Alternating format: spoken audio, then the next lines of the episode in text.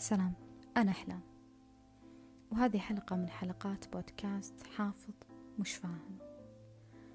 اليوم اخترت موضوع مميز يمكن أكثر ما يميزه توقيته. نهاية السنة. سنة عشرين ثلاثة وعشرين. سنة كانت خارجة عن التوقعات فعلا. سنة مميزة مليئة بالأحداث. الحمد لله على جميع ما مر فيها. سواء عرفنا حكمته الآن أو بعدين.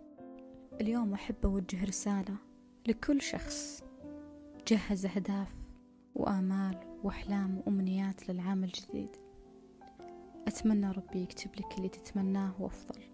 ولكن تذكر عزيزي المستمع أن الله لا يغير ما بقوم حتى يغيروا ما بأنفسهم بمعنى اسأل نفسك هذه المرة قبل لا تكتب أهدافك واللي تبيه.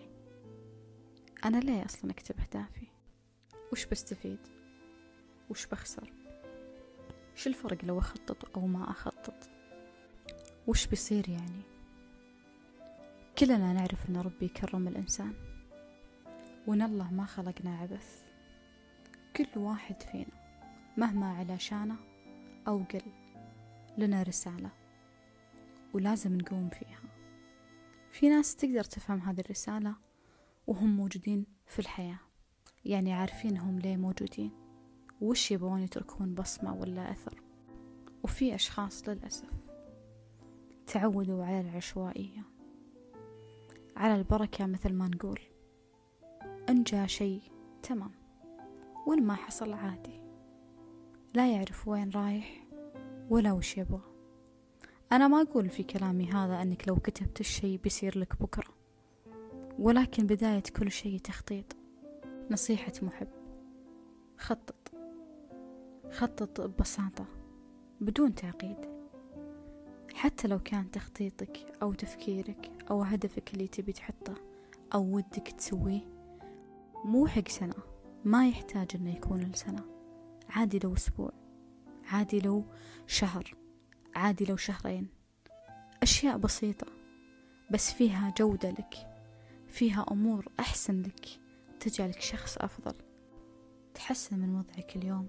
جرب ما راح تخسر. بنفس الوقت عزيزي المستمع مثل ما حفزك وأشجعك أنك تخطط للمستقبل وللجاي من أيامك تذكر لا تنسى شيء من اللي راح.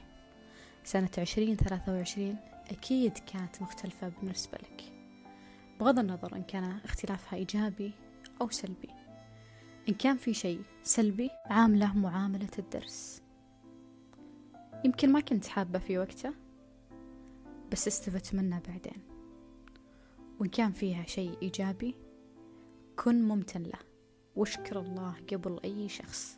عندي عادة كل سنة.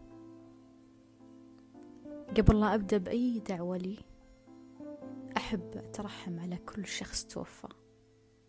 الله يرحمهم جميعا. ويرحمنا إذا صرنا إلى ما صاروا إليه. بنفس الوقت أسأل الله العلي العظيم إذا مد في أعمارنا أن يجعلنا مباركين أينما كنا. أسأل الله العلي العظيم أن ينفع بنا البلاد والعباد وأن يسلمنا من شرور هذه الحياة ومواقفها السيئة. الحمد لله. الله يجعل القادم أجمل لي ولكم. كل عام وأنتم بخير. تحياتي.